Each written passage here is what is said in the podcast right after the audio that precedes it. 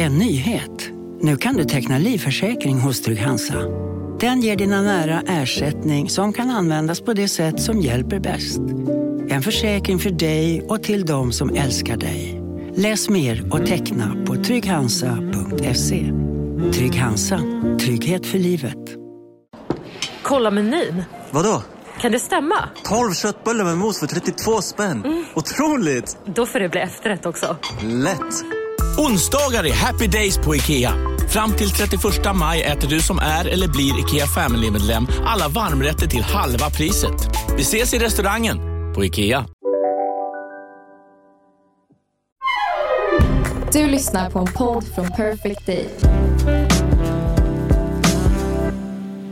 God morgon Hanna. Ja men god morgon, eller vad ska man säga, god förmiddag kan ja, man säga. Jag befinner mig just nu på Skeppsholmen, hotell Skeppsholmen. Eh, och det är så mysigt här ute. Har du varit här? Ja, jag har det. Faktiskt. Alltså Pernilla bor ju här nu, så att, uh. eh, vi hann knappt säga hej då igår kväll. Eh, jag har sovit några timmar och nu är vi back in business. så jag har sminkat henne för en, eh, eh, ja, en presslunch och sen så är hon iväg nu och då passar jag på att podda med dig och sen kommer hon tillbaka halv två och då ska vi jobba till klockan halv sju med en plåtning. Wow! Alltså jag, jag, jag, jag känner ju att jag behöver återhämtning efter de här turnéhelgerna. Jag är ah. jätteimponerad av er, men jag, och jag vet inte om det är så post-covid fortfarande, men jag, jag märker verkligen det att jag behöver så här, eh, jag, jag gjorde ju så ett tag att jag hade grejer på måndagarna, liksom, eller dagen efter våra resdagar.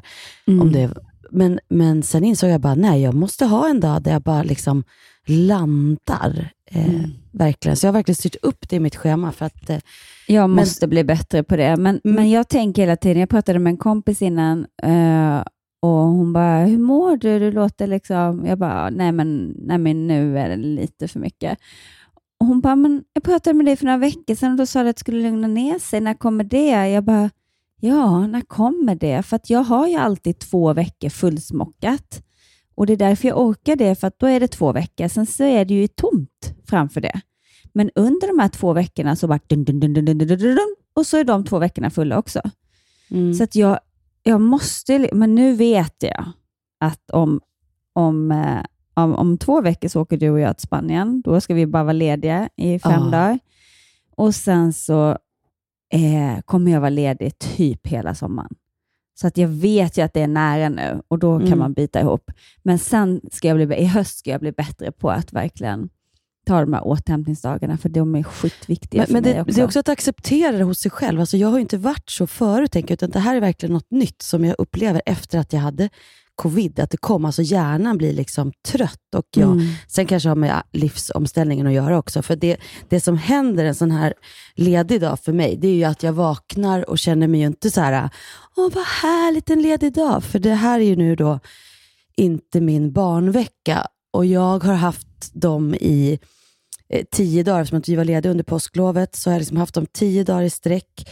Det har känts, om man ska vara rent krass, lite som vanligt, eller som det var mm. förr. Så idag när jag vaknar, då har jag en blues alltså, i mig, verkligen. Att jag längtar mm. efter dem. Och, eh, nu är det egentligen bara två dagar som vi har liksom varit hemifrån, som jag inte har sett dem då. Men också mm. för att man har haft en längre period. Eh, så, då hinner man och, vänja sig vid det, ja. Precis. Ja, då blir plötsligt två dagar ifrån mycket och plus att jag vet nu då att jag liksom ska vara borta från dem i en vecka. Mm. Liksom. Och då blir jag, det behöver jag ju inte vara. Jag kan ju ringa, och men det har vi diskuterat förut. Jag vill inte heller projicera min längtan. Utan jag, det som var min spaning och det som jag vill verkligen ta upp, att jag inser att det här är min utmaning. Att se till att ha dagar för jag behöver den här återhämtningen. Jag behöver liksom hinna ikapp med mitt hem och städa och tvätta och ta hand om allting. Eh, och inte fly från den här bluesen som också mm. uppstår när det till exempel inte är barnvecka. För jag inser att det där att, att ha massa saker inbokade är en slags flykt också. Mm. Som man ju fick utmana sig i under pandemin, att stå ut med att inte Mm. ha grejer inplanerade. Ingen resa, ingen middag, ingenting att liksom, inom citationstecken se fram emot. Och nu då så är man ju tillbaka lite i gamla mönster. Jag märkte det i morse, att jag önskar ju så här, åh varför tackar inte jag till det? Eller varför, och jag kanske ska ringa den, jag kanske ska Nej Hanna, du ska inte göra något av det där. Det är precis det här du ska vara.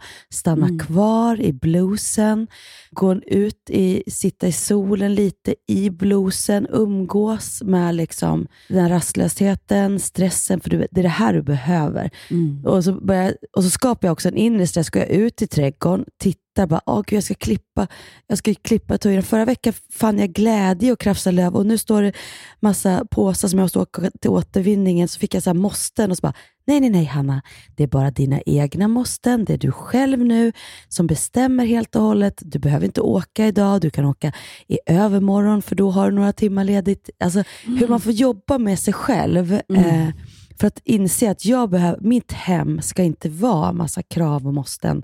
Speciellt inte eh, när jag faktiskt inte har några krav och måsten, utan de är bara sådana som jag skapar själv. Men där befinner jag mig lite idag. Att jag, så här är, jag kan få en liten känsla av att åh, gud, ingen behöver mig. Jag har ingenting. Vilket jag vet är en total osanning. Jag har jättemånga, jag är jättebehövd. Jag, det här är typ en, den enda lediga dagen på 14 dagar. Alltså så att, det- jag vet ju att det bara är uppe i huvudet, men jag vill bara dela med mig av att, att, eh, att Att sådana dagar kommer, ja. Ja, ja, och det är liksom hur man hanterar dem som är intressant och som faktiskt är personlig utveckling också. Liksom. Mm. Hade vi poddat Ja. imorgon, då hade jag nog inte pratat om det här. Liksom. Nej. Nej, för då händer det grejer. Ja, men exakt. Nej, men också kan det bara behövas. Jag lovar dig, bara liksom om två timmar, då är jag igång med mina säckar och jag tycker att det är väldigt eh, kul att rensa och hålla på när jag väl är igång. För då är jag, och det är också Men så en ny också, sida. det är väldigt satisfying att få det gjort. ja, Men det är inför, det. jag håller med, det, då blir det de här måstena som man inte orkar med. Men jag tänkte på det du sa med, nu när du har haft dem så här tio dagar, eh, att det, jag kommer ihåg det, för det har ju gått i perioder där när man, sen man separerade, att eh, ja, vi började med att ha så här två, tre dagar och, och rullande schema och sen så blev det rörigt och då gick vi över till att ha Liksom, jag hade alltid måndagar, tisdagar, han hade alltid onsdagar, torsdagar, sen hade vi varannan helg. Så då blev det 2, 2, 5, 5, 2, 2, 5, vilket var väldigt smidigt för lätt att komma ihåg att man alltid har barn måndagar, tisdagar och varannan helg. Mm. Och att det blev då rätt. Liksom. Jag har alltid de jämna veckorna och så vidare. Men sen, precis det du säger, när det blir så lite hattigt, man börjar känna att fan, just när man kommer in i ett bra flow och allting bara flyter på, nej, då, är- då ska man avbryta det. Så då var jag inne på, så här, och Linn då, som var lite större, kom in på att men vi kanske, kan vi inte ha två veckor istället? Att det blir lite så här. Och jag bara, jo. Eller nej. För min, spont- min spontana var ju att ha dem i två veckor. Var ju, ja, jättebra. Gud vad skönt. Ja. Men vänta lite nu. Nej, men då betyder det att jag då måste vara ifrån dem i två veckor. Aldrig i livet. Och det har Nej. jag än idag aldrig varit. Vi hade ju så i somras, eh, fast det blev aldrig riktigt två veckor. Eh, Nej. vilket på ett sätt är bra, när man, tycker jag, när man har Eh, I och med att deras pappa också jobbar, liksom, det kan vara lite så snabba puckar på jobb, eller, mm, så här, och att vi har den överenskommelsen att vi ändå frågar varandra först. Liksom. Så blir det aldrig kanske två veckor. Eh, men, ja, men det där är så dubbelt. Jag, återigen, det är som i, i barnens värld, det har de ju sagt, eh, när man själv har...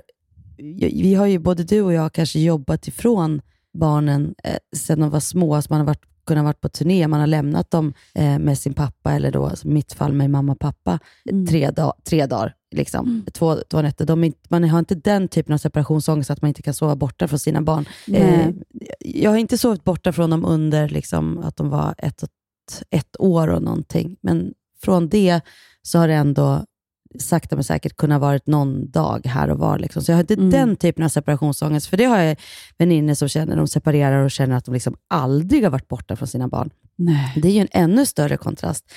Eh, Men jag var inte riktigt beredd på hur, hur jobbigt jag skulle tycka det var. Att jag inte liksom faktiskt bestämmer det här själv, när jag ska vara eller inte vara med mina barn.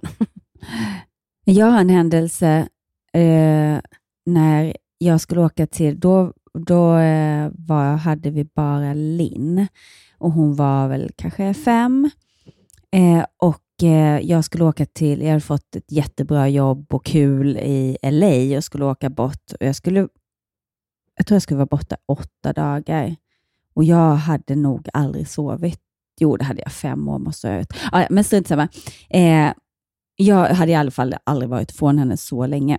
Och så kom jag och lämnade henne och jag hade gjort eh, en sån här teckning så att hon skulle så här, eh, ritat lite grejer som skulle kryssa för varje dag jag var borta och liksom gjort så små klistermärken och liksom mm. här roliga grejer så det blir så gulligt. Liksom. Eh, utan att det blev så här, du kommer sakna mig och det gick ju hur bra som helst. Det var inga problem. Men det var bara så här, det var, jag hade läst det någonstans man kunde göra så, för att de ska förstå tids... Eh, ja, i alla fall. Då kommer jag till förskolan och så är det mamma som, som liksom märker att den säger okej, okay, hej då, men då ses nu kommer kom pappa hämta det, sen ses inte vi förrän om en vecka. Typ, eller så. Och när mamman bara, oj, vad ska du göra? Så här, Nej, jag ska åka till LA. Liksom. Och hon bara, va? Så, du, hur länge ska du vara där? Jag bara, ja, nej, men en vecka. Så Oj, gud, aj, det hade jag aldrig kunnat. Jag hade aldrig kunnat vara ifrån mina barn så länge. Eh, och Jag tampades ju redan med att jag tyckte att det var ganska jobbigt, så när hon mm. säger det så tar jag säkert in mycket mer än kanske vad hon menade till att börja med. Hon kanske mm. bara menade, gud vad kul för dig. Eh, men, men jag upplevde det, att hon var så här, gud, det hade jag aldrig, lite så här blame, mm. skuldbelägga liksom. Men det var så jag uppfattade det. Och då bara händer någonting i mig. Istället för att bli arg eller ledsen så blev jag bara så här, nej men vet du, det kan jag och nu åker jag.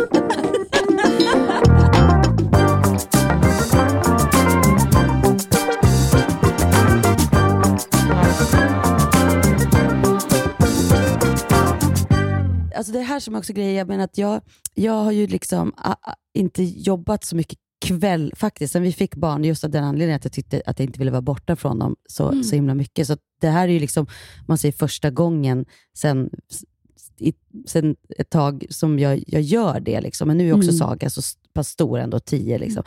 Mm. Eh, för det jag menar att det handlar väldigt mycket om en själv också. Jag tycker att till exempel, det kan jag se på mina stora, att de har ju också så fantastisk relation med sin mormor till exempel. Och när man har väldigt svårt att vara borta från sina barn eller att de ska sova borta, så är det ju också, kan jag uppleva ibland, eller jag hade någon kompis vi pratade om det, att, att det är också att göra sig själv väldigt oumbärlig i barnens liv. Om de aldrig mm. får, liksom, om man känner att man måste vara med dem hela tiden. Liksom. Plus att Men undrar om ju... de uppfattar det om sig själva, eller om de verkligen genuint tror att de gör det bästa för barnen? Nej, men jag tror att de genuint också känner att de är oumbärliga alltså för barnen. Alltså det, och Det känner jag ju också på ett sätt. Det är det jag menar som nu. Nu kan jag ju tycka att det här är en del av mig, 90% av min kropp kan känna att det är helt fel att jag är ledig och inte är med mina barn. Mm. Och inte ringer dem och skjutsar. Men, men jag förstår ju också att dels, jag har en 18-åring. Det är ju helt naturligt att hon klarar sig utan mig, till exempel. Mm. Och en 15-åring som kanske inte är jätteintresserad av att ens prata med mig, typ blir mm. irriterad mm. när jag ringer på turnén. Varför ringer du så mycket? Och så har jag en 10-åring som såklart eh, tycker det är jobbigt själva liksom uppbrytardag, bytesdagen. Men sen när hon väl är hos sin pappa, då är hon där och de har ju mm. en jättefin relation. Så då handlar det mer om att jag känner att jag på något vis har behov av dem eller är, borde vara oumbärlig i deras liv. Och jag mm. tänker också att kanske att det är det här som sker när barnen flyttar hemifrån, speciellt om man har levt eh, som en kärnfamilj och inte varit ifrån sina barn så mycket. Då tror jag den här bluesen blir jättestor när de väl mm. börjar leva sina liv och flytta hemifrån. Mm. För på något sätt är det ju det här gummibandet, det ska stretchas och så kommer de tillbaks och så stretchas det och så kommer de tillbaks. Och så, eh, håller, det är ju liksom ändå det naturliga. De ska ju klara sig utan oss. Det är ju ändå det hela uppfostran går ut på, på något vis. Att de ska vara så trygga individer så att de känner att de klarar sig själva. Mm. Att de skulle behöva oss hela livet, 100% skulle ju vara att nästan det skulle inte ha vara, misslyckats. Ja, men faktiskt. Men det kan ju också kännas då Och Men det är skillnad att vara behövd och känna att man har byggt upp en fin relation som gör att de vill att man ska vara en del av deras liv. Inte för att de behöver oss, Mm, Nej, utan för att de det- vill. Och det är ju sunt och det, är det, Ja. det, det, det, det känner jag att jag har. Liksom, så att jag förstår ju att, eh, men, men återigen, när man separerar, och jag har försökt, jag, i och med att jag inte var beredd på det här, eh, och då har det ändå gått, liksom, vi har ju levt ett och ett halvt år varannan vecka. Eh, så, jo, det är ju typ ett och ett halvt år nästan. Nej, inte riktigt. Ett år och fyra månader. Helt isär. Liksom. Så det är ju ändå känns det här inte naturligt. Och Jag vill bara säga det till alla som är där ute också. Att, eh, och sen någon vecka kan det kännas jättenaturligt eller skönt eh, att, att ha en egen vecka. Och Då kan man ibland få skuldkänslor över det. Men Mm. herregud, ska det verkligen kännas bra nu att jag är... Men jag, jag brukar tänka det där flygplans, eh, sätt på din egen mask innan du hjälper andra. Mm. Att det blir eh, intensivt och man har mycket jobb, det är mycket med barnen, det är mycket logistik och, det är, och att då och då faktiskt njuta av att inte ha några måsten, inga krav, bara ligga hemma och inte göra någonting och vara ledig. Det ska Mm. man aldrig må dåligt över. Men jag är jättedålig på det. Att inte ha några måsten och, inte, och att vara ledig. Om jag inte reser bort på en plats. Liksom. Liksom. Åh, vad Men- jag längtar till Spanien nu. Ja, men du, jag med. Alltså Gud jag vad jag vi ska... ska boka in, vi, vi måste ha en paddellektion varje dag. Ja, Och ja det vi måste, måste ha. eh, powerwalk varje dag. Yes, yoga varje dag. Yogan får du hålla i, för jag är Jajamän. dålig på det. Jajamän. Jag håller i paddellektionerna så håller du yogan. Ja, ja. Och så får vi bara tänka, så här, eh, vad heter det? vi ska ta tarotkort varje dag så att vi liksom kommer på en bra plats i, i sinnet. Vakna upp med en litet, liksom, liten tanke eller en, litet, så här, en liten eh, riktning åt ett, åt ett ljust håll. Liksom. Vet Det du vad jag, också. på tal om tarotkort och eh, den typen av eh, tanke, Mm. eh, så var jag med om en jätteskum grej idag. Eh, Mhm. och jag, jag står i hallen och så har vi en spegel och så är eh, dörren till garderoben som är snett bakom mig eh, öppen. Och så ser jag liksom att någon går in i garderoben. Det är en sån man går in i, i spegeln. Men det är ingen hemma. Och jag bara, men gud, har Linn kommit in utan att jag märkte? För att, ja. Och så bara, så gick jag och kollade så bara, nej det var ingen där. Men jag var så säker, du vet när man nästan känner någon på, liksom bakom ens axel, man känner energin att någon är där. Eh, jag bara, jaha, nej men det var inget konstigt. Det var liksom, det är inte så jag bara blev rädd eller så, utan jag bara kände att det var någon där. Vem är det som är där? Och sen så ställer jag, jag står för håret liksom, och så står jag igen. Eh, och så, så i, min, liksom, i ögonvrån så ser jag någon inne i garderoben. Är inte det sjukt? Och det var ingen där? Nej, det var ingen där. Men jag kände två gånger så kände jag väldigt, väldigt tydligt att det var någon där. Men vad spännande. Ja, och jag har aldrig känt något sånt i vårt hus eller så. Så jag trodde verkligen att det var Linn som hade kommit in eller... Jag var så himla... Och du blev inte rädd? Nej, jag blev ingen rädd. För, För oftast... du har ju sagt till mig att spöken inte är farliga. Nej, men också för att alltså, som jag tror, återigen, allt handlar om att tro eller undersöker eller vad man ska säga. Eh, det jag vill tro då, Ja. det är ju ändå att, eh, och, och som man även säger inom spiritualismen, så är det ju att liksom, eh, om någon försöker ta kontakt från andra sidan så är det ju väldigt sällan av, ond, alltså, av ondo man kommer. Mm. Det kan ju vara någon som inte har mått så bra och man kan känna av den typen av energi. Eh, lika väl som om man köper ett hus och man går in och bara, här var det en dålig energi. Ja, om någon har stått och haft ångest och eh, rökt vid fläkten så kanske man förutom röklukt känner att så här, oj, här är stressad energi. Alltså att det Mm. sitter kvar på något vis.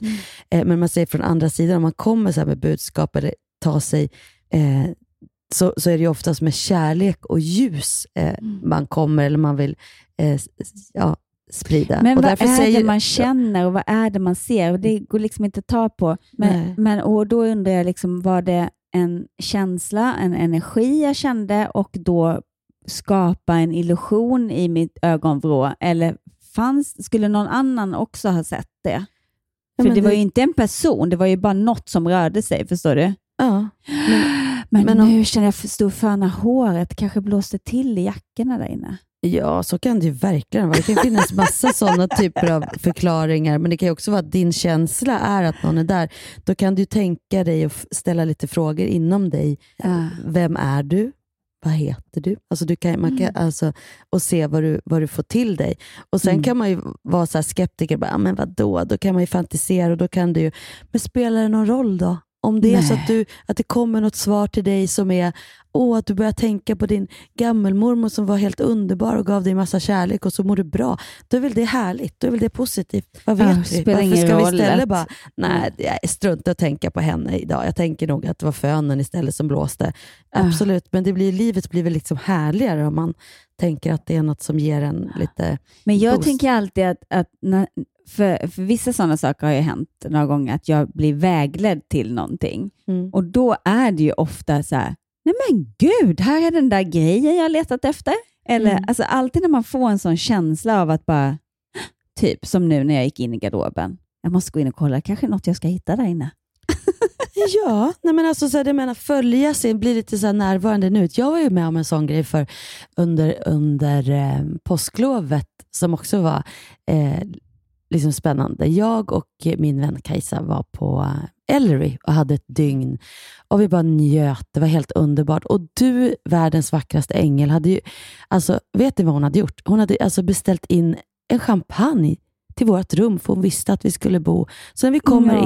in så står det en flaska champagne på kylning och så står det njut nu, puss och kram, Jessica. Alltså det var så fint Jessica, så vi började typ gråta både jag och Kajsa. Mm, Ja, vi hade det i alla fall helt underbart och eh, samtalade länge om allt möjligt och liksom lite catch-up-tid också för att man har varit ute på turné så mycket. Mm. Och så badade vi, så sen ska vi gå ner, eh, när det var ganska mörkt, så skulle vi gå ner och bada i, i havet, kallbada. Eh, från en, bastu där nere. Och så filmar Kajsa mig när jag går ner och så pratar vi, pratar vi lite så här, jag, bara, jag brukar vara mörkrädd men här känner jag mig trygg, säger jag på filmen. Och så säger hon bara, men gud, du har så här grönt ljus eh, med dig hela tiden. Undrar om det är en sån här orb, säger hon. Eh, och så sen var det inget mer med det. Och så jag bara, kan vi inte titta på den där filmen? Och jag bara, vad är orb? Och hon bara, jag vet inte riktigt. Det är väl sånt man brukar säga, liksom, som ett knott eller man har med sig något. Men det var nog reflektion av lampan, sa hon. Så, här. så har vi tittat på den här filmen och jag har tittat hur många gånger som helst. Det är liksom som ett grönt, eh, turkost, ljust klot som liksom verkligen lever sitt eget liv runt mig. Och precis när jag säger det här, här känner jag mig trygg, så är den uppe i mitt ansikte och, liksom, och så sen ner och runt. Eh, och så började jag googla, så står det så här, vad är en orb? I Wikipedia står det orb Eh, kommer från det latinska orbis, cirkel, som är ett annat ord för runt objekt, speciellt skiva eller klot. Orb är ett slags ljusklot. Det är den vanligaste spökrelaterade eh, anomalin som fångas på film. De varierar i ljusstyrka, färg och storlek, kan vara nästan helt transparenta eller med färg och de kan hovra på ett ställe eller flyga runt med blixtens hastighet i ett oregelbundet mönster. Och när jag läste det, jag bara, det var precis så det var. Det är, och jag Ja. har ju filmen kvar. Och, Alltså, du visade ju mig den Ja. och det som jag tyckte var det coolaste med hela filmen är för att just den här gröna pricken som säkert många har upplevt, typ om man tar emot ljus Ja, eller så ja, här ja, på, på dagen.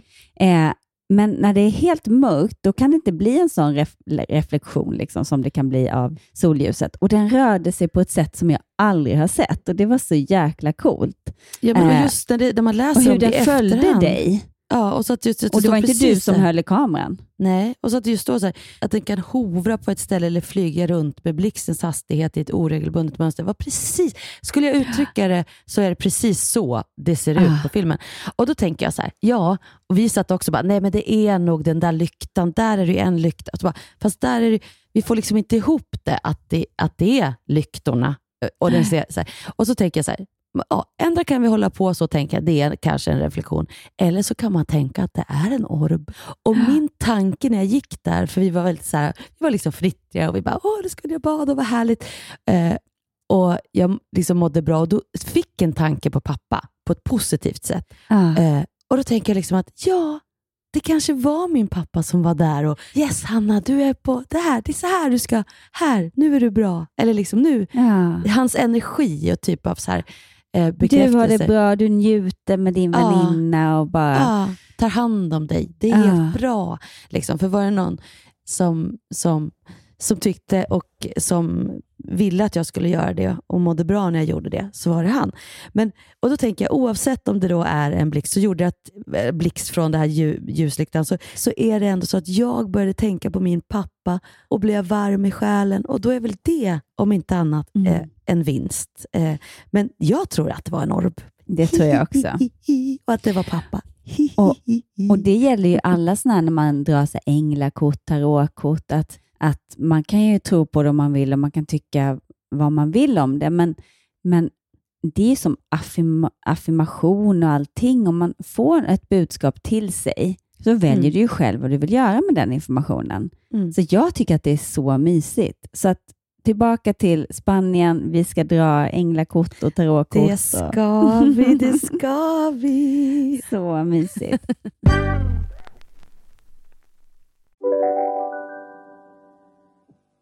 Hej, Synoptik här. Visste du att solens UV-strålar kan vara skadliga och åldra dina ögon i förtid? Kom in till oss så hjälper vi dig att hitta rätt solglasögon som skyddar dina ögon. Välkommen till Synoptik. Dåliga vibrationer är att gå utan byxor till jobbet. Bra vibrationer är när du inser att mobilen är i bröstfickan. Alla abonnemang för 20 kronor i månaden i fyra månader. Vimla! Mobiloperatören med bra vibrationer. Om en sous vide är på väg till dig för att du hörde en kollega prata om det och du råkade ljuga om att du också hade en och att den var så himla bra att maten blev så otroligt god och innan du visste ordet av hade du bjudit hem kollegan på middag nästa helg för att du sålt in din lågtempererade stek så bra att du var tvungen att beställa en på nätet fort som attan. Och ja! Då finns det i alla fall flera smarta sätt att beställa hem din sous vide på. Som till våra paketboxar, placerade på en plats nära dig och tillgängliga dygnet runt. Hälsningar Postnord. Men jag tänker på det här att det är spännande och oavsett om man inte vet, vad, det man inte vet eh, om andra sidan eller den här dimensionen eller om det finns fler eller rymden.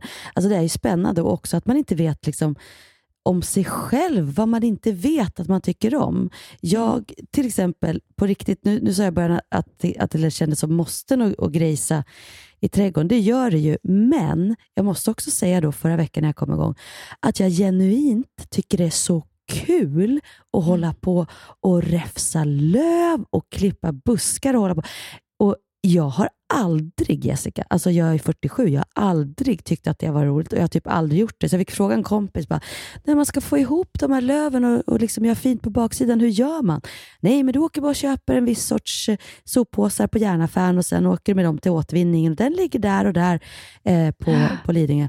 Och, jag bara, okej, gud vad lätt till att börja med. Och så sen Ja. i det här vädret, att vara ute och hålla på och fixa. Jag, bara, jag, jag fick sån energi. Eh, och Det där är också spännande, vad man liksom tänkt då vad mycket med saker man inte vet om sig Mm. själv. Man tror att man har koll, men man liksom verkligen inte vet. Har du Men upptäckt jag- något? Ja, du... men jag har också såna här, eh, för jag och Magnus skulle plantera, vi har tre såna här jättekrukor. Eh, och, och då sa jag, men ska vi inte bara åka typ till eh, plantagen eller blomsterlandet eller allt vad de heter, såna här stora ställen, för de är så duktiga där, får väl de hjälpa oss liksom. Eh, så åker vi dit och eh, och jag får ju lite så här beslutsångest för att det finns ju så mycket fint och hur ska jag veta? Hur ska jag kunna veta? Men då träffade vi så jäkla duktig tjej och då sa jag så här, jag vet ingenting. Så det måste vara någonting som är lättskött, men liksom jag tycker ändå det är kul att lära mig. Och, och så gick vi omkring där en kvart och hon berättade, du kan välja det, du kan välja det. Och, eh, och jag blev mer och mer pirrig och jag bara, jag kommer, det kommer ju sluta med att jag typ det här kommer bli min nya go-to, bara hänga på blomsterlandet och kolla blommor. eh, men då säger hon så här, ja, men om du vill ha liksom blommor som tar sig år efter år och som kan övervintra, eh, då är det perenner. Jag bara, ah, okej, ja, och, och då kom vi bort till Bränna och de var ju så här typ 10 centimeter höga och vi ville ju ha ganska höga. Jag bara, aha, men kan man inte, kan man inte köpa det? Hon bara, fast de växer ju okej, men Du hur blir snabbt går färdigt. det då? Jag vill liksom, ja, på ett sätt är det härligt att se saker växa, men jag är rädd att de ska dö innan de ens har kommit upp. Liksom. Och hon bara, nej men om du bara tänker, du måste vattna varje dag och så där, där, och det, det, om det är soligt. Då. Så, mm. så bara kände jag så här, jo men jag kommer nog komma in i det. Jag bara, okej, men eh, finns det... Hon bara, ja, men de här är ju fina till exempel. Jag bara, ja, men finns de i andra färger, de här perennerna? Hon bara, men alltså perenner är ju ingen blomsort. Alltså perenner är ett samlingsbegrepp för blommor som övervintrar. Ja, Jaha. jag trodde perenn var en tulpan typ. Alltså, Det finns en hel värld för oss Ja, och det var så himla... Hon bara, men jag tycker ni... Och hon var så inspirerande så jag blev helt så här, "Åh, ja men vi ska ha rosenbuskar, men de måste du klippa varje vår. Och, "Ja, hur gör man det då? Men du klipper ner dem så här och så här. Jag bara, skulle du liksom kunna skriva ner så här, i april gör man det och så, "Åh, ja men det kan jag göra. Så tänkte jag, gud vad kul, tänk om jag faktiskt skulle plantera någonting som överlever ett helt år. Mm. Det är en mäktig känsla. Det är en mäktig känsla. Och så tänker jag, men om man åker bort och så här, då måste man ju kunna ha, så här, som man har i Spanien, har man ju så här, som sätter igång auto, automatisk bevattning. Måste man kunna ha i sådana stora krukor. Kan också fråga en kompis. kan man göra. Men jag tänker om alla är borta just under sommarsemesterveckorna Mm. så vill man inte liksom låsa någon kompis. Men, men oavsett så känns det väldigt kul att börja plantera saker. Men det här med självutveckling, som Mm. du sa, om jag har upplevt, så, så känner jag både att jag har liksom dig och, och massa kloka vänner som vi kan bolla saker och man, jag upplever själv att jag har väldigt bra självinsikt och Eh, och att man läser väldigt mycket och man är lyhörd för vad andra... Så här. Men jag, jag sitter ju aldrig på mina höga hästar och säger att ja, men jag vet exakt varför jag är som jag är och vad jag borde göra och hit och dit. Med, medan jag kan uppleva ibland att ju mindre man vet, desto mer så blir man. Mm. Nej, men jag har inga problem. Nej, men jag, alltså jag, jag vet varför jag mår dåligt ibland, men varför grotta sig i det? Liksom? Och då kan jag ibland, på ett sätt så älskar jag att jag är så nyfiken på att hela tiden utvecklas, och, men på ett sätt kan jag också, gud vad skönt det skulle vara att slippa alla dessa tankar om Ja. varför och hur. Och, Det var det som min tavla där. Alla dessa, eh, det är både en straff och en välsignelse att känna alla dessa känslor så otroligt mycket hela tiden. ja, exakt så. Med vänliga hälsningar HSP. Vet du, vi har fått, jag har fått, vi skulle vilja läsa upp ett par saker som vi har fått av våra lyssnare. Ja. Ni skriver så mycket fint och feedback eh, och, och egna tankar och saker som växer i er och det blir vi så otroligt glada för. Eh, jag skulle gärna vilja läsa upp två. Mm. En som skriver så här. Hej Hanna, lyssnade som vanligt på din och Jessicas underbart härliga podd där ni på ett så öppenhjärtligt sätt delar med er om livet. Vill bara berätta att vi i vår släkt inte säger fräknar utan änglakyssar. Som min mormor hade sagt om dig, hon med alla vackra änglakyssar. Kram från Åh. Anette. Men hur Åh, nu- fint? Alltså jag får gåshud. Gud vad fint. Jag ska aldrig mer säga fräknar. Och vi ska kanske inte säga att, att det är solskador. Nej, det är änglakyssar. Det är änglakyssar. Det tyckte jag var så fint. Till, till skillnad från, har du spottat snus i motvind Hedlund? Åh gud alltså. Sen har vi fått ett jättefint meddelande också apropå det här med eh, medberoende. Mm. Eh, Då skriver hon i alla fall så här. Vet inte hur man kontaktar er gällande senaste podden och ämnet medberoende. Att vara mamma i ett medberoende. Maktlös, så maktlös. Att stå bredvid och se när ens barn, i det här fallet en dotter, sjunker längre och längre in i ett medberoende. Du ser vad som för sig går och försöker uppmärksamma ditt barn på detta. Ni bråkar om det och du försöker få din älskade unge att inse att hon måste lämna denna osunda relation. Du hör på henne i telefonen när han är i närheten. Du märker hur hon sopar framför hans dörr för att det ska vara lugnt. Själv ser hon inte detta. Du får i efterhand höra hur mycket värre det faktiskt var med både fysisk, psykisk och ekonomiskt våld. Din dotter är 18-19 när det börjar. Förövaren, hennes vad hon trodde då livskärlek är något år äldre. Han, ett stort barn som inte gör någonting hemma, som inte bryr sig om någon annan än sig själv. Som festar så hårt att hon inte vet vilket skick hon får hämta upp honom i. Som kränker henne och tar i henne våldsamt. Hon får lomsa in sig på toaletten av rädsla. Ändå ser hon inte det destruktiva i förhållandet.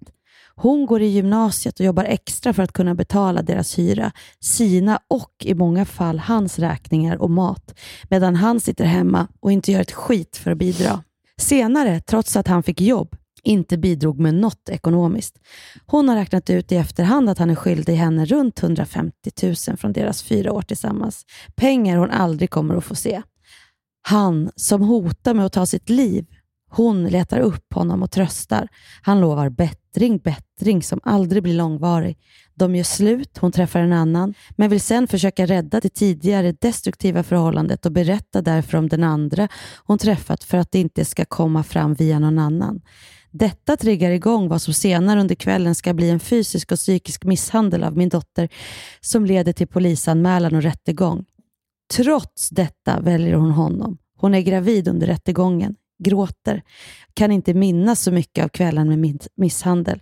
Framkommer senare att mannen hotar henne medan vi står i salen och väntar att få komma in till rättegången. Berättar du sanningen så han döms till villkorligt. De ses ett tag till. Hon är helt knäckt och mår mycket dåligt psykiskt. Får missfall. Han firar detta. Någonstans här vaknar hon och börjar se och förstå. Hon är värd bättre tar sig till slut loss, mycket med hjälp av den man hon lever med idag i ett tryggt, fint samboförhållande. Och såklart med hjälp av stöttning och hjälp av oss nära som aldrig, aldrig någonsin gav upp henne. Som alltid fanns ett telefonsamtal bort. Alltid, alltid beredda på att komma till undsättning. Som att ha ständig jour, trots att man som närstående har mycket själv att bearbeta. Och än idag knyter det sig lite i magen när hon ringer, för man vet inte vilket läge det är. Denna stress har ju börjat lägga sig ju längre tiden går. Finns inte så mycket man kan göra då barnen är myndiga, mer än att alltid, alltid finnas. Att inte försöka skuldbelägga och att tjata på att hon ska lämna förhållandet, för det tjänar inget till. Maktlös är vad man är. Och det tar lång tid även för oss bredvid att hämta sig från detta. Man blir som medberoende till en medberoende. Oh. Idag ser min fina dotter sitt medberoende och lever för att nå ut och hjälpa andra. Hon skriver på en bok om sina upplevelser. Hon är säkert inte främmande för att berätta om sina upplevelser om ni skulle vilja ha med det i podden. Kram Ulrika. Viktigt ämne att ta upp. Tack för en bra podd. Alltså jag blir, jag blir, ja, jag så, blir också helt... Och, och tack Ulrika för att du skriver och skriver det så fint. Och så, vad ska jag säga, eh, osentimentalt så att man själv känner eh, allting. Och, och det är precis det här som är problematiken. Att hur någon kan vara och det kan jag känna igen, att man, eh, just det här att man inte kanske ser vad det är man håller på med. Liksom. Man mm. vänjer sig vid saker och tycker att det är okej okay att någon annans behov går före sina egna. Det, be det behöver inte vara som i det här fallet, tydlig psykisk eh, fysisk misshandel, men man, man gör liksom lite grann våld på sig själv. Eh, och Det kan ta ett tag innan man upptäcker det och det behöver inte vara någon annan som kräver det av en, utan man, man gör det själv eh, när man har en tendens att bli eh, medberoende. Liksom. Eh, så det behöver inte heller vara att skuldbelägga någon annan, som i det här mm. fallet när det finns eh, tydlighet. Liksom. Men jag blir så berörd av den här eh, jag med. texten. Gud, och jag, jag, tänker att eh, eh, tack för att du delar. Och, eh, och Jag hoppas om det är någon som lyssnar där ute och som känner igen sig, kanske kan få upp ögonen på, på sitt eget eh, beteende. Men jag, jag blir jättenyfiken på om hon skriver en bok så vill man ju absolut prata om, om boken. Verkligen. Eh, och vi vill eh, jättegärna prata med eh, din dotter om hon skulle vilja det. Verkligen. Jag skriver ett DM till, till Ulrika tillbaka så ser vi om vi kan eh, fortsätta mm. och just eh, dela, eh, så hon kan dela sina erfarenheter. För det är ju fascinerande, eller fascinerande är väl fel ord, men just den här som många pratar om, att nu var det ju här också fysisk misshandel, men det är ju mm. svårt eh, när det är, är något psykiskt man lever i och som man kanske inte kan tro på själv eller förstå vad det, att det inte är sunt. Liksom. Men alltså jag tror inte att jag... jag- Alltså det, jag har väldigt få vänner som aldrig någonsin under hela sin uppväxt, från första kärleken, eh, någon gång har varit utsatt för fysisk eller psykisk misshandel. Mm. Kan du komma på någon? Nej. Nej, jag kan inte det. Det är så förjävligt. Och när man då, hon, hon, eh, hon beskriver på ett sånt sätt som gör att det också går rakt in i hjärtat. Både som mamma och Mm. om man någon gång har upplevt någon form av medberoende problematik. Men också när man har stått bredvid kompisar som, eh, som, som liksom går tillbaka eller som inte, som inte ser, eller som fast Mm. man inte är lycklig, så tillbaka, tillbaka. eh, Om man, eh, och, och, man står bredvid och försöker hjälpa och man tycker att nu nådde vi fram och så, och, och så ja, för att Jag den här nedbrytningen är, är ju, förlåt att jag, Nej, just för- det, det hon är så bra att beskriva här, det tycker jag också att det, tar, att det kan ta så otroligt lång tid för att den här sakta men säkert nedbrytningen, den här, den här tjejen som, som till en början, liksom, han hotat av sitt liv, han är ett offer, hon hjälper, fixar och det här med pengarna, att inte se att det inte är okej att, att, att hon gör allt det här, utan hon, hon tycker att det är, liksom, är okej Hon och sakta men hon säkert. gör det. Ja. Att, att man dansar en dans liksom, Mm. eh, som, där hon tror att det ska vara så. Och att stå bredvid och liksom verkligen inte nå fram. Och som den här mamman också säger, om, om man går på med för hård kritik eller skuldbelägger, då finns ju en risk att, att, att den här tjejen liksom inte hade pr- fortsatt prata med sin mamma. Nej. Nej, och aldrig kommit ut. Liksom.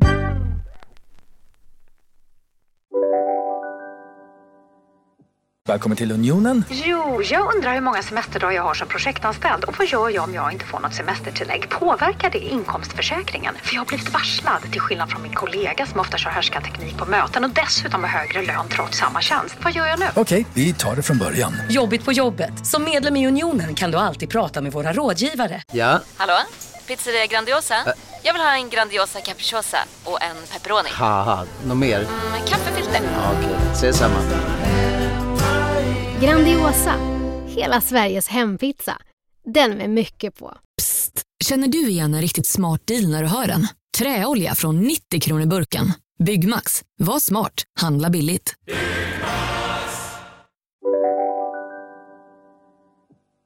Men jag, men jag fick faktiskt en jättefin komplimang av en, en eh, kompis. Då var vi ganska unga, men hon var tillsammans med en riktig idiot.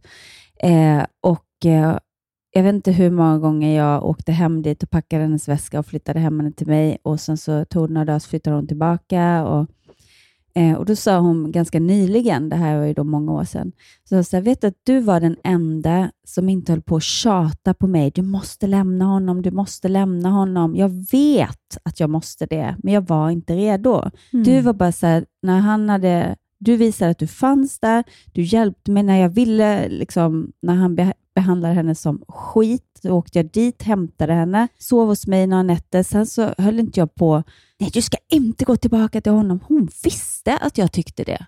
Hon är ingen... Man hade inte kraften. Nej, hon är inte dum. Det är väl liksom inte så att hon inte fattade det. Men hon sa att det var så jobbigt med alla kompisar som skulle säga till henne vad hon skulle göra. Och så kan man alltid peppa någon att, att någon förtjänar bättre och allt det där. Men just det här, hon, hon kände sig ännu mer värdelös då när hon väl gick tillbaka till den här idioten. När alla kompisar var men snälla du kan inte gå tillbaka till honom. Du, du får inte det. Då är, då är du ju dum. Typ nästan som att mm, hon får skylla sig själv då. Om hon går tillbaka och han inte bättrar sig. Ehm, så jag blev väldigt glad för att hon, hon var så här, det var så skönt med dig, för jag visste ju att du tyckte ju exakt likadant, men du sa inte det. Du bara fanns där och plockade upp mig. och liksom Eh, och Det kan man väl tänka på om någon mår dåligt, att kanske inte skriva på näsan vad, vad folk ska göra, utan bara finnas där och lyssna och peppa. Bygga Det är, som, upp. det är ju som med all livsförändring. Man måste ju känna själv eh, att man vill det. Och Risken kan ju bli om man, om man är på någon och talar om vad de ska göra, att de känner att de behöver, förs- effekt. Ja. de behöver försvara sig, kanske försvara förhållandet och så och s- inte alls, ja, det blir en sån grej istället för att liksom få känna själv, men lite försiktigt peka på hur känns det när han säger sådär, eller hur känns det att vara... Ja. Mm. Men- Exakt. Och som du säger, kunna, att, de, att eh, de kan be om hjälp och komma utan att bli förbrådda med usch. Det, jag tänker det är ibland lite grann samma sak som, som att man liksom inte till ett barn kan prata illa om dens förälder, för att den barnet kommer alltid skydda sina föräldrar. Och barnets föräldrar är deras föräldrar. Så att, eh, då, är man, då kommer man, man kommer all, de kommer alltid skydda dem och det kommer, det, man kommer inte att nå dem genom att prata illa om deras föräldrar. Jag tror det är lite samma sak om man känner att man har en kompis som lever i ett destruktivt förhållande. Om man bara, bara säger att han är värdelös, att hon borde hjälpa, då, lämna, då, då är det en stor risk att hon börjar försvara. Liksom. Ja, och att hon inte pratar, som Ja, du sa också. Med precis. din- För att då och blir så känner jag med känner barnen också. Jag vill Mm. ju också att de ska... Jag vill inte att eh, de ska känna att de är rädda att göra misstag. Eller, eh, det är klart jag inte uppmuntrar min 17-åriga dotter att, att dricka alkohol, men om hon skulle göra det, våga ring mig om det händer något. Den här klassiska, Mm. liksom, Ja. finns, finns ju alltid några som inte vågar ringa sina föräldrar om det händer Mm. någonting. Och Det skulle jag känna var sånt sorgligt misslyckande att inte ha kunnat förmedla att jag kanske inte kommer tycka att det är okej det du har gjort, men jag kommer ju Mm. alltid Finnas liksom där. finnas här och, och hjälpa dig. Gud, jag, det, jag var med om en sån, eh, ett samtal. Jag ska inte outa något av mina barn, men ett sånt. Eh, ringde ett från ett, ett okänt nummer. Hej, det här är klasskompis. Eh, jag tror att du behöver hämta för att eh, har druckit. Och jag blev så glad, för då har sagt till sin kompis, ring min mamma från din mobil. Och jag blev så himla glad. Men jag var ju inte... Och då när jag kom fram var det också så ett gäng som stod och bara, åh gud, det här hade min mamma aldrig gjort. Det hade hon Mm. säkert, eller det vet man inte, men det var Det dens man inte, upplevelse. men ofta men jag tror blev jag så att de glad att det. mitt barns upplevelse var ändå ring min mamma och då har jag ju Mm. ändå som sagt var eh, inte... Man kan ju vara sträng och ha nolltolerans och allt det där. Det handlar men bara inte om det. det att så här, hon kommer ändå hjälpa mig, så Mm. ring henne. Och det kommer inte att bli... Ja. Så det var, och det var så, då fick jag, kände jag så här, gud vilket förtroende, nu måste jag också hantera det här. Att å ena sidan visa att det här är nolltolerans från min sida, men jag är så tacksam att du ringde mig. Alltså den, det, ja, så då fick man så här, några djupa andetag och fundera på hur man skulle hantera det. Nej, för det där, det här, den här Ulrika beskriver, åh, det, men det kan ju vara, det behöver ju inte, jag vet inte, det, det åh, vilken mardröm. Men det är som ibland när man lyssnar på de där poddarna. Vi lyssnar på en del poddar när vi är ute nu på turné. Mm.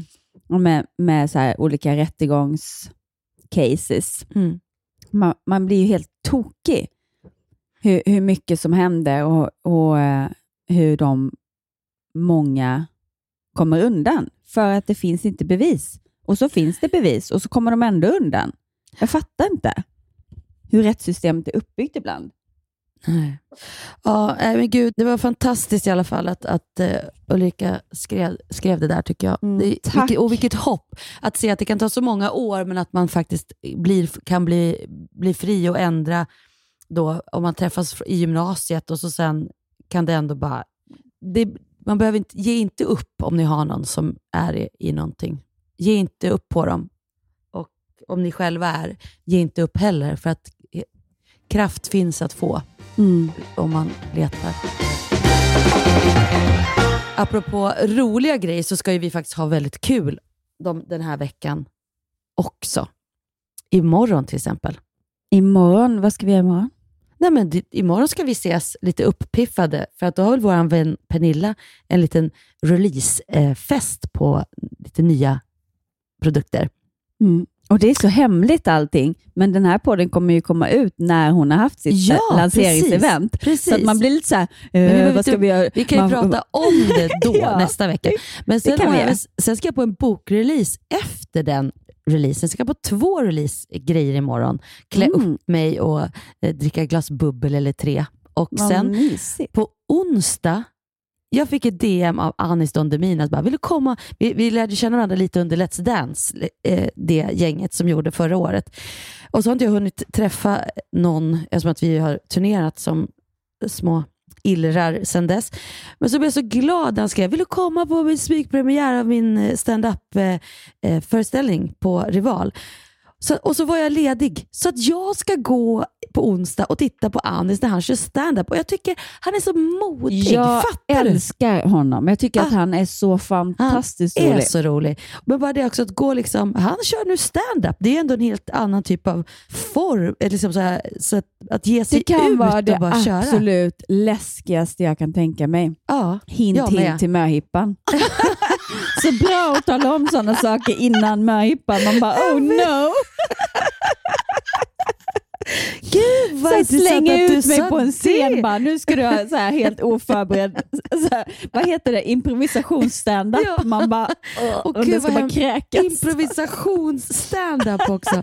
Inte ens ha ett skrivet Gud. roligt Nej. manus. Fy. Nej, men det ska bli oerhört roligt. Så eh, liksom recension på den kvällen kommer också då, nästa vecka. Helt enkelt. Ja. vad ska du göra? Eh, jag ska göra samma sak. Allt samma. Anis ringde mig också. Smsade han bara det när han ringde mig? Eh, Kände du att jag körde lite Lassie där eller? Nej, vad betyder det?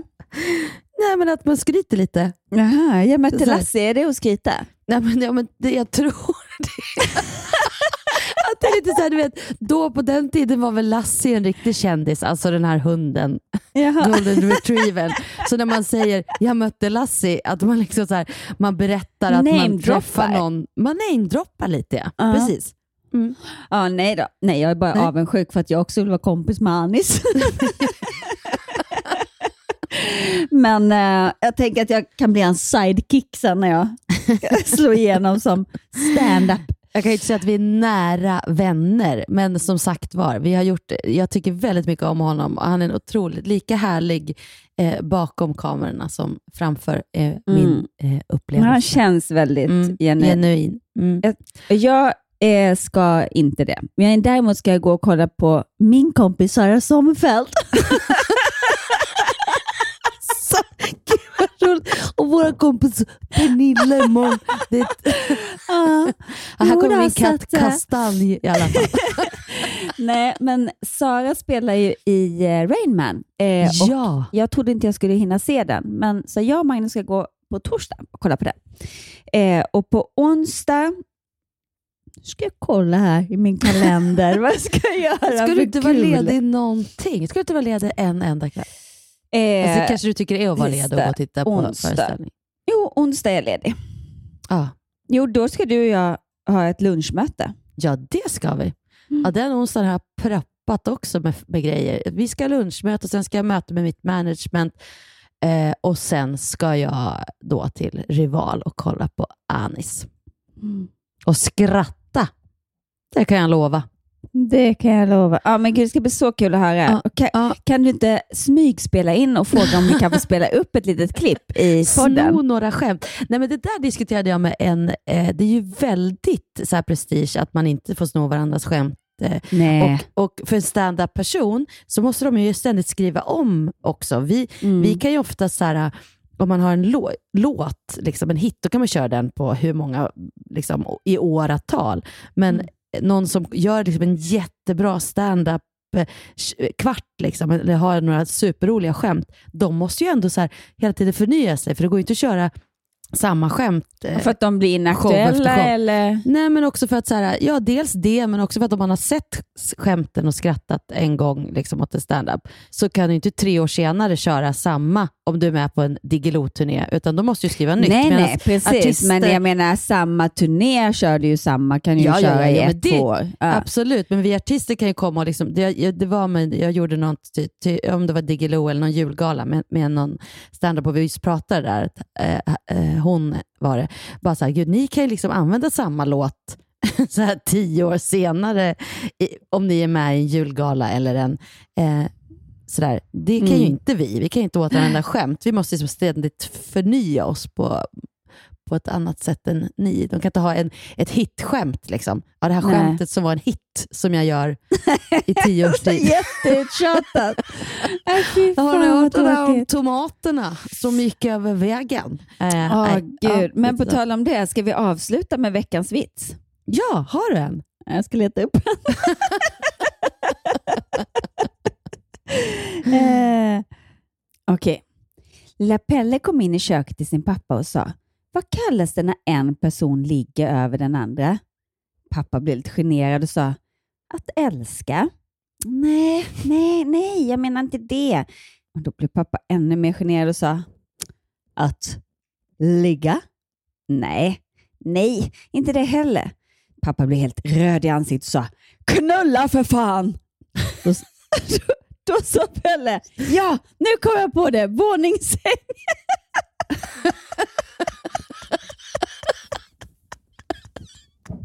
Och med de orden tackar vi eh, Jessica från Norra Brunn, där hon befinner sig på sin möhippa. Den. Alltså det är jättemånga roliga här. En elefant och kamel Nej, träffas. Nej, Nej, bara en till. Bara en till. Ja, ja. En elefant och kamel Det här är min träffas. favorit. Varför har du brösten på ryggen?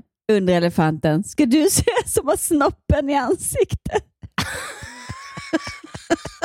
Jag älskar den. Det är den enda jag kan. En klassiker. Där ser du. Ska Nu du man säga som har snoppen mitt i ansiktet? Ja, gud. Men med det så säger vi tack och hej. Puss på er. Ut i solen och njut. Ja. Hej då.